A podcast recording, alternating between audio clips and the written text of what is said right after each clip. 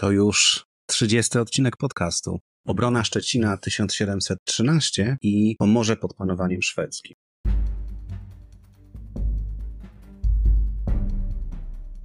Ryszard Kapuściński powiedział: Wszak istnieje coś takiego jak zarażenie podróżą i jest to rodzaj choroby w gruncie rzeczy nieuleczalnej. Będzie to podcast o podróżach do miejsc niedalekich, o bogatej historii Polski i regionu, o miejscach osiągalnych dla każdego i o moich przemyśleniach w historycznych miejscach. Zapraszam, Marcin.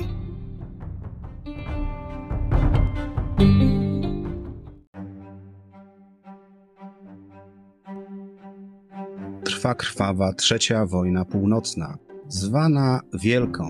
Trwa ona w najlepsze. Wojna ta jest wielkim starciem koalicji Saksonii, Danii oraz Rosji ze Szwecją, a Rzeczpospolita z racji Unii Personalnej z Saksonią plątana jest w tym wojnie. Działania wojenne toczą się na jej terenie przez prawie 10 lat. Niewiele też z niej pamiętamy, może poza powiedzeniem od sasa do lasa, które wyjaśniałem w szóstym odcinku mojego podcastu. Nawiasem mówiąc, skutki wojny północnej były dla Polski tragiczne, bo fatalna polityka Augusta II Mocnego spowodowała początki końca I Rzeczpospolitej i jej trwałe uzależnienie od Rosji.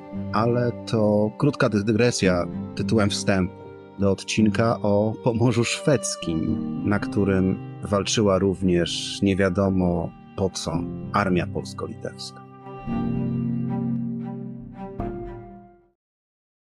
W sierpniu 1711 roku połączone siły Rosjan, Duńczyków i wspieranych przez Rzeczpospolitą Sasu docierają do Pomorza Szwedzkiego. Czym było Pomorze Szwedzkie? O tym za chwilę. Nad twierdzą w Szczecinie dowództwo obejmuje generał Ernst Detlow von Krasow, szwedzki arystokrata ze starego rodu pochodzącego z wyspy Rugia, czyli żeby było śmiesznie, Szwed pochodzenia słowiańskiego. Obronę Stralsundu powierza innemu generałowi, Karlowi Gustawowi Dukerowi.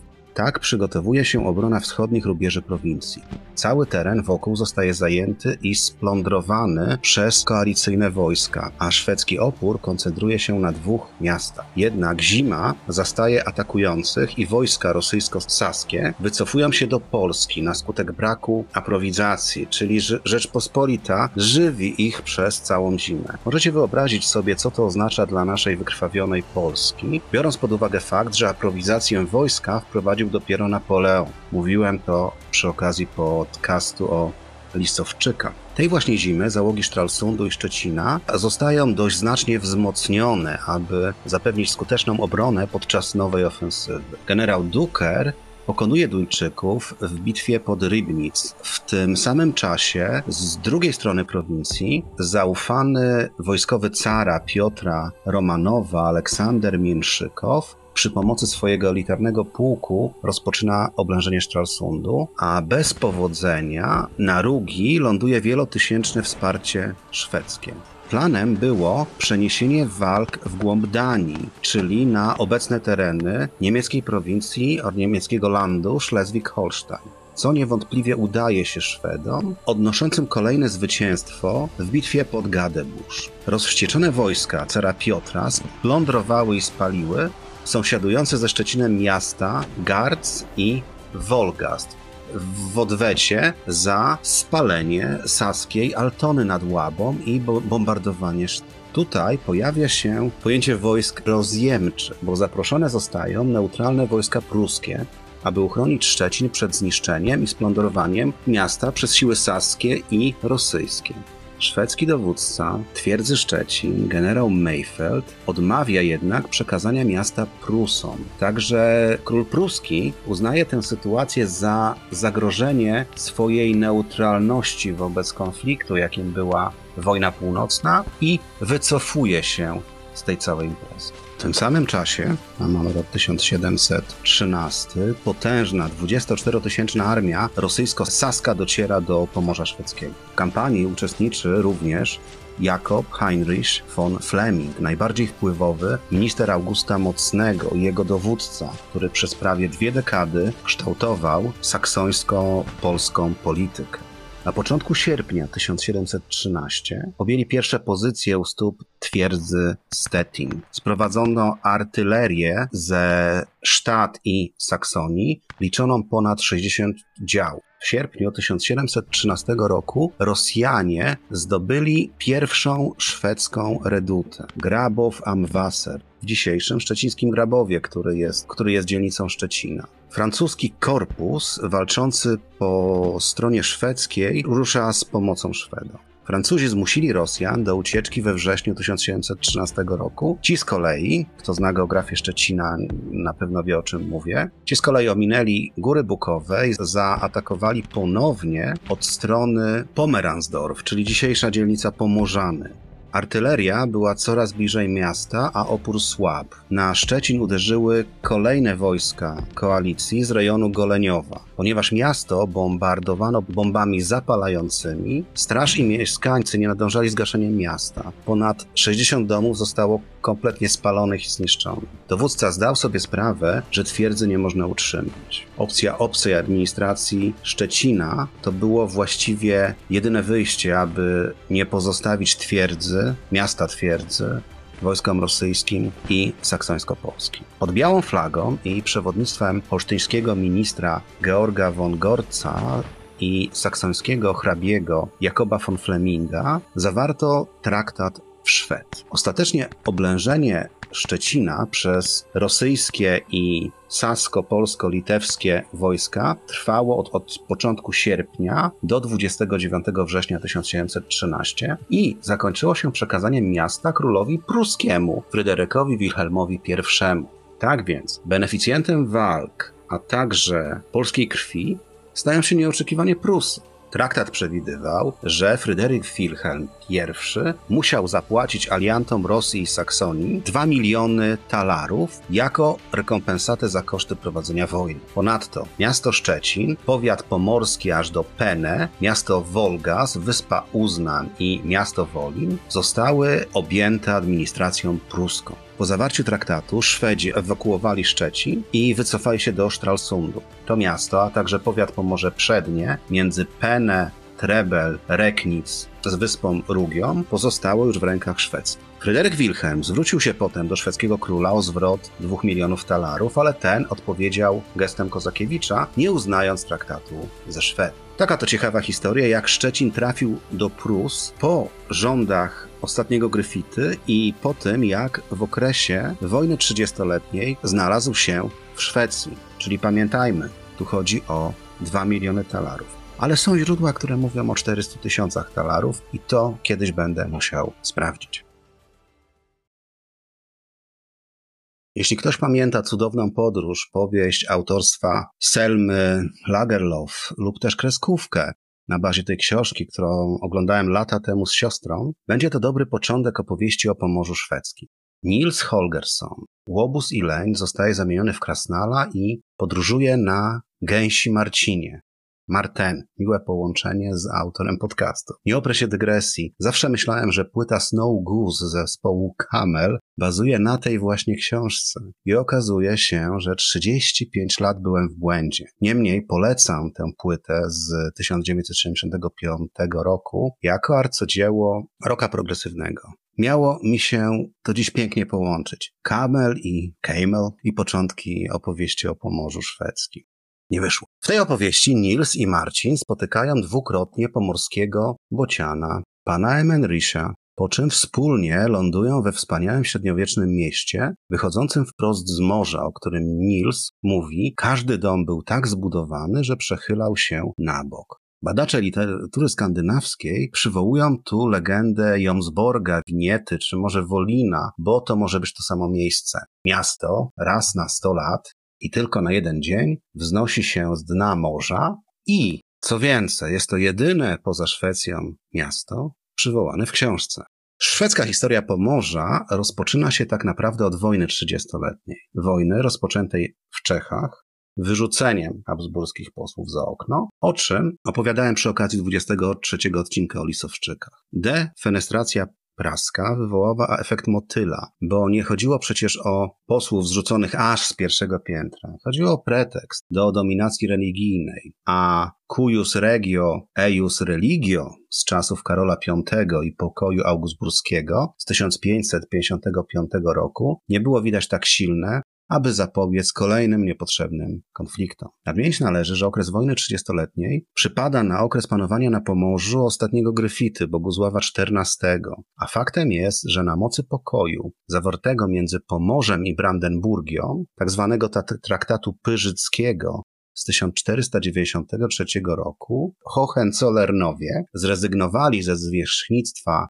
lennego przy zagwarantowaniu im sukcesji na wypadek wymarcia Gryfitów. Kolejny traktat, traktat Pyrzycki, 30 lat później, potwierdzony do, został traktatem w Grimnitz. Ostatni z rodu Gryfitów umrze w marcu 1637 roku bezpotomnie, a jednak ziemię nie przypadną Hohenzollernom, a miało być tak pięknie. Jeśli pamiętacie mój podcast o Bogusławie X i Jagiellonach, to wiecie, że Hohenzollernowie już stali w blokach startowych do zagarnięcia księstwa ponad 100 lat wcześniej. Wiem, to jest spoiler. Moja niegdysiejsza niewiedza była tak duża, bo zawsze myślałem, że po ostatnim Gryficie Pomorze stało się pruskie.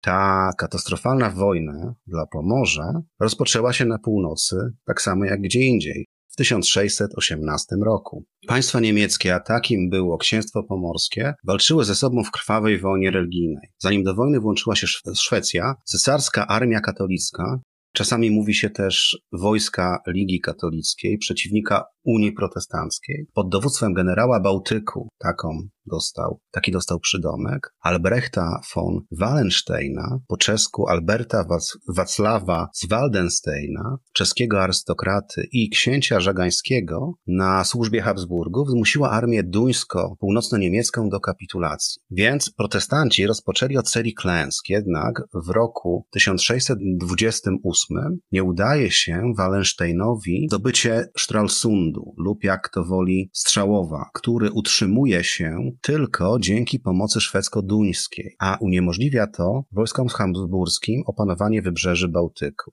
Geniusz wojskowy Wallensteina pozwala powstrzymać inwazję Danii w bitwie pod Wołogoszczą dzisiejszy Wolgast. Sytuację komplikują trzy rzeczy. Ogłoszenie przez cesarza Ferdynanda II edyktu restytucyjnego, o nim za chwilę, syfilis Wallensteina, a w końcu też plotki o chęci przejęcia przez niego korony cesarskiej, co skutkowało jego odwołaniem przez Ferdynanda I i do wojny włącza się Szwecja. Edykt restytucyjny z 1639 roku nakazuje zwrot sekularyzowanych majątków katolickich utrzymanych przez protestanckie księstwa na mocy traktatu z Passawy zawartego w 1552 roku. W, na przykład w roku 1535 sekularyzowane zostały pomorskie klasztory w Eldenie i w Kołbaczu. Eldena znajduje się obecnie koło Greifswaldu, natomiast Kołbacz jest klasztorem koło Starkardu Szczecińskiego. Polecam, żeby go zobaczyć. Nim będzie pokaz. Aby pokazać skalę tej wydanej niezgodnie z prawem cesarstwa, bo z pominięciem Sejmu Rzeszy, aby pokazać skalę problemu, chodzi tu o sekularyzowanych 12 księstw biskupich i jakieś 500 klasztorów wraz z innymi ziemskimi posiadłościami kościelnymi. Oficjalnie król szwedzki, Gustav Adolf, włącza się do wojny, aby pomóc protestanckim braciom. Nieoficjalnie kieruje się zasadą brzmiącą po łacinie Dominium Maris Baltici, czyli stworzenie jak największej szwedzkiej enklawy nad Morzem Bałtyckim.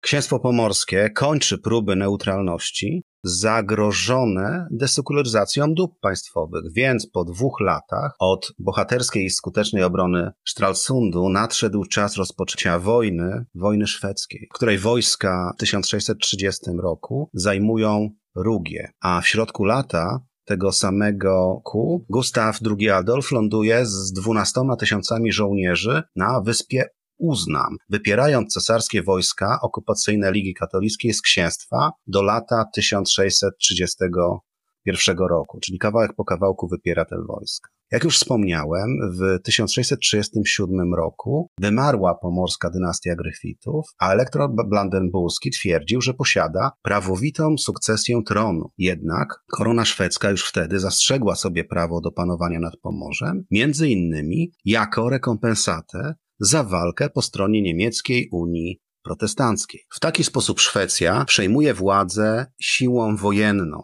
z łaciny jus belli. I zostaje to zapisanie w traktacie westfalskim w 1648 roku. Ten traktat zakończył wojnę 30-letnią. Księstwo Pomorskie pozostaje jako byt jest w Unii Personalnej ze Szwecją, a królowa Krystyna stała się pierwszym monarchą, którym, który sprawował władzę nad tym terenem. Innymi słowy, królowa szwedzka stała się księciem pomorskim. Pomorze pozostawało terytorium w ramach cesarstwa niemieckiego i podlega e, jego prawom, więc nigdy nie zostaje włączone do Szwecji ani uznane za szwedzkie, tak jak na przykład duńskie prowincje po tej wojnie, Skania i Halland. W prowincji koronę szwedzką reprezentował gubernator, ponieważ szwedzka linia królewska Pfalz-Zweibrücken była pochodzenia niemieckiego, cesarz niemiecki mógł na wieczność posiadać Pomorze, Wismar, Bremerwerden bez Bremy i kapitulę katedralną w Hamburgu. To bardzo skomplikowane, a tak stanowił traktat. Więc Pomorze Szwedzkie staje się częścią Cesarstwa Rzymskiego, narodu niemieckiego pod administracją szwedzką. Nadmienić należy, że występuje wtedy podział księstwa pomorskiego na dwa terytoria. Für-Pomern, czyli Pomorze Przednie, od Rugi do Szczecina oraz Pomorze Tylne, Hinterpommern z biskupem Kamieńskim, Kołobrzegiem i Słupskiem, czyli mniej więcej Pols pomorskie tereny należące dziś do Polski. Wtedy one się dostają pod władzę elektora brandenburskiego. Pokój nie trwał długo, bo już w 1670 ku Szwecja i Brandenburgia skaczą sobie do gardeł i zaczynają się tłuc o Pomorze. Ale w międzyczasie mamy też wydarzenie istotne z punktu widzenia historii Polski. Potop szwedzki, po którym w 1657 roku za panowania fatalnego władcy króla Jana Kazimierza, mocą traktatów w Wielawie i Bydgoszczy, Prusy książęce ze stolicą w Królewcu uzyskały niezależność od Rzeczpospolitej. W zamian za to pozostający, w tysiąc, pozostający od 1618 roku w Unii Personalnej z Prusami książęcymi, elektorat Brandenburgii porzuca sojusz ze Szwecją, co umożliwia Polsce zakończenie wojny, ale bezpowrotnie tracimy Prus. W latach 70. XVII wieku Szwecja i Brandenburgia toczą już wojnę o prawowitą sukcesję tronu pomorskiego. Jednak w wyniku interwencji francuskiej e, zmniejszone terytorium Szwecji ograniczyło się do części terenów na wschód od Odry i tę zadymę kończy pokój w Saint-Germain 1676 roku i proszę nie mylić z innym pokojem w Saint-Germain, który 100 lat wcześniej zakończył wojnę religijną we Francji. On kończy wojnę prusko-szwedzką. Jak widzimy, Prucy wobec należnego sobie traktatem księstwa pomorskiego stosują tak zwaną taktykę salami, co udowodni wojna północna, ale o tym za chwilę. W 1653 roku ustanowiono Sąd Najwyższy dla ziem szwedzkich w Niemczech, tak zwany Trybunał w Wismarze. Powołanie sądu było szczególnym przywilejem i zapobiegało rozstrzyganie sporów prawnych z koroną szwedzką przed niemieckimi sądami krajowymi. Mamy tu ciekawy, podwójny status terytoriów niemieckich. Z jednej strony jako hrabstw poddanych niemieckich, z drugiej jako prowincji szwedzkich. Na, na Pomorzu były również tak zwane majątki wiejskie, delegaci szlachty i miast, którzy za wszelką cenę starali się bronić swoich przywilejów. Więc w 1663 roku Pomorze Szwedzkie utrzymało pierwotną formę rządzenia, opartej na starej książęcej formie rządów z czasów gryfickich. I w sumie obowiązywała ta zasada do 1806 roku. Stolicą guberni stał się Szczecin, którym rządził gubernator generalny Królestwa Szwecji. W 1675 roku gubernatorem tej prowincji został Karl Gustav Wrangel, błyskotliwy dowódca z czasów wojny trzydziestoletniej, ale nie tylko. On dowodził m.in. w bitwie pod Warszawą z 1656 roku, będącej największą w dziejach wojen polsko-szwedzkich porażką armii Rzeczpospolitej. Szacuje się, że dwie trzecie ludności Pomorza zginęło w wyniku wojny trzydziestoletniej. W niemieckiej piosence dziecięcej z XVII wieku Pomerland is Abge Brand Pomorze spłonęło, Dzieci proszone są o modlitwę do Boga, bo morgen kommt, kommt der Szwed, jutro nadejdzie Szwed. Najemnicy należący do armii szwedzkiej nie byli sławni ze swojego humanizmu czy wielkoduszności, co zostało opisane z nagą brutalnością w historycznym opisie w książce Offred Sar Rok Niepokoju autorstwa Petera Englunda, szwedzkiego historyka. Z tego właśnie powodu pod koniec XVII wieku Szwecja powołała struktury, które doprowadziły do osadzania, odradzania się ludności wiejskiej i tu umożliwiono właśnie Szwedom przyznawanie dóbr w prowincji pomorskiej, ale także niejako w zamian umożliwiono pomorskim rodom szlacheckim osiedlanie się w samej Szwecji. Niektóre z tych rodów zostały wprowadzone nawet do szlachty szwedzkiej, więc takie nazwiska jak von Hepken, Barnekow czy von Essen, Essen pewnie, Marek by mnie tu poprawił, e, one trwale wpisały się w rody szlacheckie szwedzkie. W latach 80. XVII wieku powstały dwa ważne kroki włączenia Pomorza do Imperium Szwedzkiego. Między Isztat a Stralsundem powstało połączenie pocztowe. Również ważnym elementem rozwoju kulturalnego prowincji jest jego pierwsza gazeta, gazeta szwedzkiego Pomorza, Stralsundischer Relations Kurier, gdzie Pomorzanie mogli czytać po niemiecku o wydarzeniach politycznych w całym Imperium Szwedzkim. I to przy, przyczyniło się do powstania pewnej wspólnoty i wyobrażeń o przynależności do czegoś innego niż sam region. Podobny efekt miały modlitwy za szwedzki dom królewski, które w niemieckim tłumaczeniu odczytywane były zambony nawet w najmniejszych pomorskich kościołach parafialnych. Ze strony administracji szwedzkiej słusznie podejrzewano, że szlachta z całego imperium zatrzymała, zatrzymywała duże wpływy z podatku, a ze względu na ustrojową sytuację Pomorza dostęp do majątków nie był łatwy. Więc w latach 1692-1709 przeprowadzono karkołomne zadanie, bo pod kierownictwem Guno Aureliusa zrobiono jeden z najdokładniejszych spisów katastralnych czasów nowożytnych, tak zwany Landesaufnahme, które później zostały wykorzystywane tylko jako podstawa do, do podatkowania całej prowincji. Podczas próby wywiezienia spisu do Szwecji, dojszczy piraci przejęli wychodzące z morza statki i zbiory dokumentów przekazano do Kopenhagi, czyli widać, to nie byli piraci, tylko kaperzy, czyli byli skaperowani przez króla duńskiego. Już w 1724 jednak one wróciły do pruskiego Szczecina, a część dotyczącą nowego Pomorza Szwedzkiego przekazano administracji w Stralsundzie. A wojna powróciła na Pomorze na początku XVIII wieku. O czym opowiadałem przy wstępie podcastowym, więc w XVIII wieku wróciła ta wojna w postaci wojny północnej. Pomorze zajęły wtedy wojska saskie, polskie, rosyjskie i duńskie. Korona duńska formalnie rządziła terytorium szwedzkim w latach 1715-1720.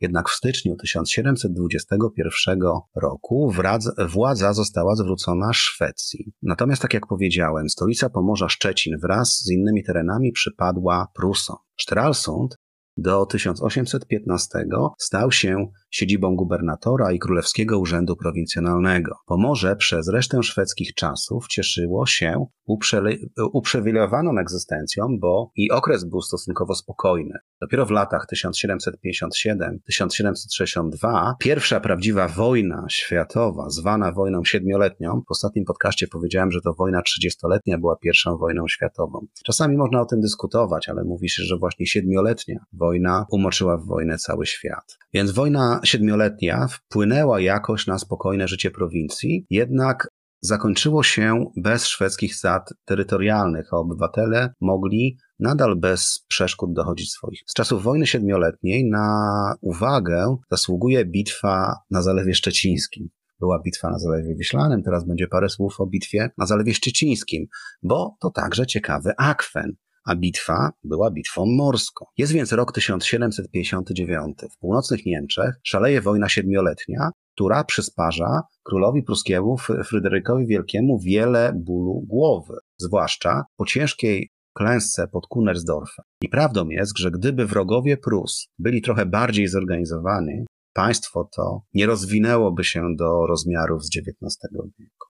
Teraz Szwedzi maszerują na południe, by pobić pomorskie wybrzeże z jego wyspami i stolicą Szczecina. Szwedzi zajęli już Świnoujście i zablokowali tamtejszy port, zatapiając statki. Wielka potrzeba polityczna i militarna zmusza niechętnego budowaniu floty wojennej króla do samodzielnego utworzenia małej floty pruskiej, aby uniemożliwić dalsze posuwanie się Szwedów. Tak więc powstają w Szczecinie galeony o nazwach książę Heinrich, król Prus, książę Wilhelm i książę Prus, a także cztery galery o nazwach Jowisz, Merkury, Mars i Nept. Jednostki są dość słabo uzbrojone, a każdy z małych, więc każdy z małych był uzbrojony tylko w jeden moździew, podczas gdy duże okręty miały na, podkładzie, na pokładzie łącznie 4, 4 24-funtowe i 16 12-funtowych dział. Ta mała flotylla stawia czoła dużo większej flotyli szwedzkiej między Ikerminde, Kryłuście, i Neuwarp, dzisiejsze Nowe Warpno. Czyli to jest jakby wejście na zalew, jakby ktoś tam nie był, to, to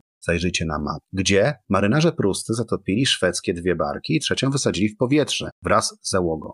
Bitwę ostatecznie wygrali Szwedzi, którzy mimo zwycięstwa nie odważyli się jednak, jak początkowo y, chcieli, kontynuować podróży do Szczecina, aby zmusić go do poddania się przy pomocy blokady portu. Na początku XIX wieku na wschód prze cesarz Napoleon Bonaparte co może być nadzieją i może jest nadzieją dla Włochów czy Polaków, ale Szwedzi i Pomorzanie wiedzą, że są to czarne chmury nad ich krajem. Gustaw IV Adolf, który przebywał na, e, na Pomorzu szwedzkim dłużej niż jakikolwiek inny szwedzki regent przed nim, wpada na pomysł trwałego włączenia Pomorza, tego prowincji Pomern, prowincji Pomorze do Szwecji. Po rozwiązaniu Cesarstwa Rzymskiego Narodu niemieckiego to było możliwe, bo podwójna struktura Pomorza przestaje istnieć. W sierpniu 1806 roku na miniaturowym sejmie w Greifswaldzie z delegatami pomorskimi ze wszystkich czterech stanów zdecydowano o przystąpieniu do Szwecji.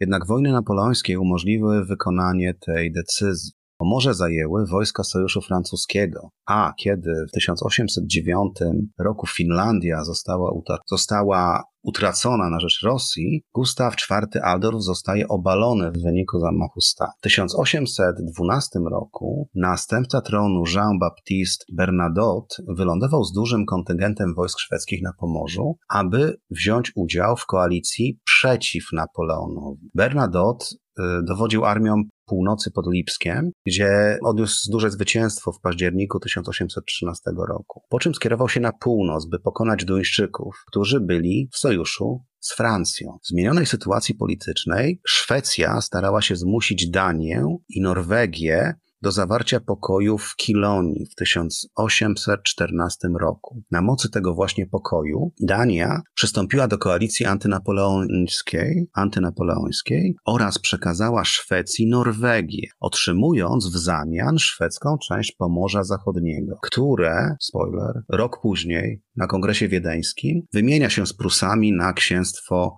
Lauenburg i sporą sumę pieniędzy. Tak kończy się historia Pomorza Szwedzkiego, w którym Szwedzi sami oddają za Norwegię bez emocji Pomorze. Szwedom zarzucano nawet wtedy, że chcą zastąpić swoich Pomorzan, sprzedać swoich Pomorzan jak bydło. Przekazanie władzy w ostatniej ze szwedzkich prowincji bałtyckich nastąpiło między Prusami a Szwecją w październiku 1815 roku. Z tego wydarzenia zachowało się wiele reakcji, reakcji na naocznych świadków. Podczas zmiany warty między garnizonem szwedzkim i pruskim oficerowie Stralsundu płakali, podobnie jak ich żołnierze, którzy po raz ostatni podnieśli po 167 latach szwedzką flagę. Prowincja, która teraz została włączona do reszty Pomorza Pruskiego, tak zwany Neufer Pomerania, jeszcze w latach 30. XX wieku miała przepisy inne niż wreszcie Prus. W Greifwaldzie na przykład otrzymywano Sąd Najwyższy, który orzekał sprawiedliwość zgodnie ze zwykłym prawem, co oznaczało, że dawna prowincja szwedzka była wyłączona z bismarckowskiej harmonizacji prawnej, którą prowadził Bismarck do 1871 roku. Ofiarą tej harmonizacji prawnej padli Ślązacy, którym zabroniono używać na przykład śląskiego języka. To jest ta sama historia Bismarcka. W czasach szwedzkich szczególną rolę pełnił Uniwersytet w Greifswaldzie, więc tenże uniwersytet jego działalność zasługuje również na swoją wzmiankę. Uniwersytet w Greifswaldzie, założony w 1456 roku przez książąt, książąt pomorskich, od początku działalności przyciągał szwedzkich studentów. On został założony w 1456 roku, więc od początku przyciągał szwedzkich studentów, a ten trend nasilił się po 1648 roku, a zwłaszcza w XVII wieku. Pomorska uczelnia konkurowała z Uniwersytetem w Lund, założonym w 1666 roku i tam trafiali studenci tam albo do Greifswaldu trafiali studenci pochodzenia południowo-szwedzkiego. Wielu profesorów z, na Grajwalskim, Uniwersytecie było pochodzenia szwedzkiego. Maklerzy i kapitanowie ze szwedzkiego Pomorza naturalizowali się w szwedzkich miastach portowych, takich jak Karlskrona czy Sztokholm, a wiele firm handlowych e, w Sztokholmie można określić już jako szwedzko-pomorskie dynastie kupieckie, budowali je absolwenci uniwersytetu. W związku z rozkwitającym oświeceniem, Uniwersytet w Greifswaldzie i jego pozycja intelektualna zaczęły odgrywać ważną rolę jako czynnik, który integrował Szwecję i Pomorze. Czasopisma naukowe rozpowszechniały wiedzę o Szwecji, jej nordyckiej historii i kulturze, a były wydawane w języku niemieckim, więc była pewna dostępność. Relacje z kulturą szwedzką również nabierały tempa dzięki tworzeniu prowincji wspólnot uczonych i wspólnot teologów. Do założonej w 1761 roku szwedzkiej loży masońskiej od do 1816 roku przyjęto około 100 pomorzów. W okresie rozkwitu oświecenia wiodącą rolę w mediacji kulturowej między Szwecją a Pomorzem odegrał profesor Grwajwalskiego Uniwersytetu i bibliotekarz Johann Karl Danner ze Stralsundu, twórca katedry szwedzkiego prawa konstytucyjnego i konstytucji. To była pierwsza nowoczesna, nowożytna katedra, która już nie zajmowała się naukami pierwotnymi, tylko typowym prawem. Miejscami nieoczywistymi powinny być szwedzkie, szwedzkie ślady na Pomorzu czy w Szczecinie. Nie jest łatwo je znaleźć. Przyszły mi do głowy dwa. Jest to wieża zegorowa na zamku książąt pomorskich oraz brama portowa, która wprawdzie przez Szwedów nie była zbudowana, ale ma istotny związek z okresem szwedzkim. O wieży zegarowej mówiłem przy okazji podcastu, przy, przy, okazji 18 odcinka podcastu o tytule Dwie wieże i skały wapienne Szczecina, ale pokrótce przypomnę, co w tej wieży jest szwedzkiego. Elementem szwedzkim jest wyjątkowy barokowy zegar, który pochodzi z 1693 roku, a zbudowany on został dla uczczenia zwycięstwa Szwedów w wojnie z Brandenburgiem. Zegar już w czasach swojego powstania był, za, był uznany za dość intrygujący. Widzimy na nim zielonego maszkarona, który porusza oczami zgodnie z ruchem dużej wskazówki, a w ustach ma cyfrę pokazującą dzień miesiąca. Znajdujący się powyżej błazen wybija lewą ręką godzinę, a prawą kwadransę.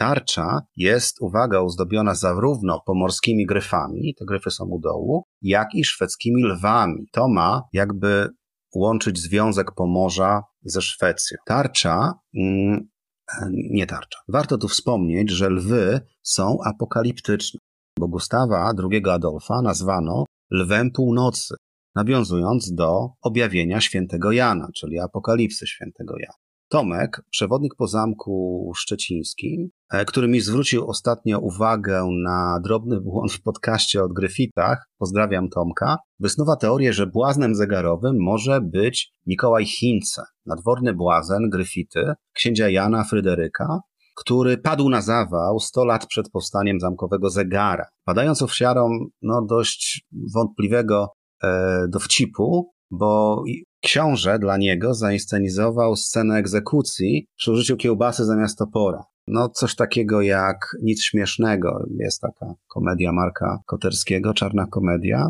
A ten błazen ma swoją płytę nawet nagrobną. Ten nieszczęsny błazen ma swoją płytę nagrobną i znajdziecie ją w pobliskim kościele w Sownie, bo tam został pochowany. Z kolei brama portowa zwana dawniej berlińską, stoi na miejscu dawnej średniowiecznej bramy, która zamykała miasto od zachodu, po to, by kupcy dążący w kierunku portu z ładunkami towarów, a także wszyscy inni przywisze, dostawali się przed nią do miasta po co, żeby płacić myto. Brama portowa jest jedną z niewielu w mieście zachowanych budowli barokowych. A jaki ma związek ze Szwecją? Za chwilę. Powstała w latach 1724-1740. Pomyślcie, jakie to są daty. Po zajęciu miasta przez Prusy. Według projektu holenderskiego inżyniera Corneliusa e, van e, Walrawe. Cornelius, czyli Case. Wiem, jakie zdrobnienie jest. Fundatorem jej był właśnie król Prus, król Fryderyk Wilhelm I. I teraz przechodzimy do meritum. W środku znajduje się tarcza z monografem króla fundatora, oczywiście, kto bogatemu zabroni, Natomiast w Attyce znajduje się tablica z napisem w języku łacińskim. Nie będę czytał tej, e, co jest napisane na tej tablicy, bo wyjdzie jeszcze gorzej jak z moim niemieckim, ale ona uzasadnia prawa państwa brandenburskiego do Pomorza i Szczecina. Czyli nie będę, tak jak powiedziałem, łamał sobie języka łaciną, ale jest tam mniej więcej napisane, że Szczecin powrócił do elektorów brandenburskich na mocy uczciwego układu i za uczciwą cenę. Powrócił. To jest ciekawe, bo nigdy nie był w marchi. Miał być tylko odziedziczony na podstawie porozumień, o których wcześniej mówiłem. Czyli historię piszą zwycięzcy, tak samo jak w 1944 45 Szczecin nie powrócił do macierzy, ale to już jest zupełnie inna historia. Brama portowa i wieża zegarowa może nie są nieoczywiste dla Szczecinian, ale na pewno wzbudzają zainteresowanie przybyszów. Coraz powszechniejsze jest wykorzystywanie okresu szwedzkiego w kontekście turystycznym. Mecklenburgii popularne jest hasło Witamy w południowej Szwecji lub Szwecja jest większa niż myślisz. A od 1991 roku w Greifswaldzie odbywa się popularny festiwal Nordischer Klang, y, tydzień tematyczny dla sztuki filmowej, literatury, artystów i muzyków z krajów nordyckich. Istnieją, istnieje podobno też sporo, sporo towarzyszeń, y, stowarzyszeń niemiecko-szwedzkich. Nie wspomniałem jeszcze o podatkach, a podobno po kongresie wiedeńskim mieszkańcy Pomorza ze łzami wspominali szwedzką politykę podatkową w konfrontacji z pruskim opresyjnym podatkowym systemem. Pomorze miało okazję zasmakować liberalnej, tolerancyjnej Szwecji, nie tej, którą pamiętamy z wojen północnych. Tyle udało mi się zebrać na temat szwedzkiego Pomorza. Muszę przyznać, że była to ciężka praca. Jeżeli macie jakieś uwagi czy materiały, zawsze mogę wypuścić suplement. Ale dzisiaj to już wszystko. Do usłyszenia.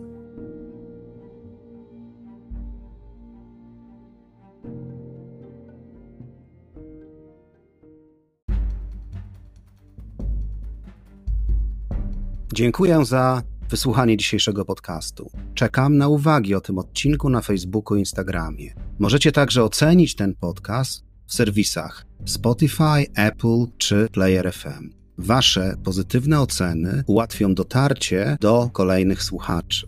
Możecie także postawić mi wirtualną kawę w serwisie Buy Coffee pod adresem podcast Miejsca Nieoczywiste. Środki przeznaczam na promocję podcastu w mediach społecznościowych. Jeżeli macie pomysł na odcinek, poproszę o mail na adres domwdawidach.gmail.com.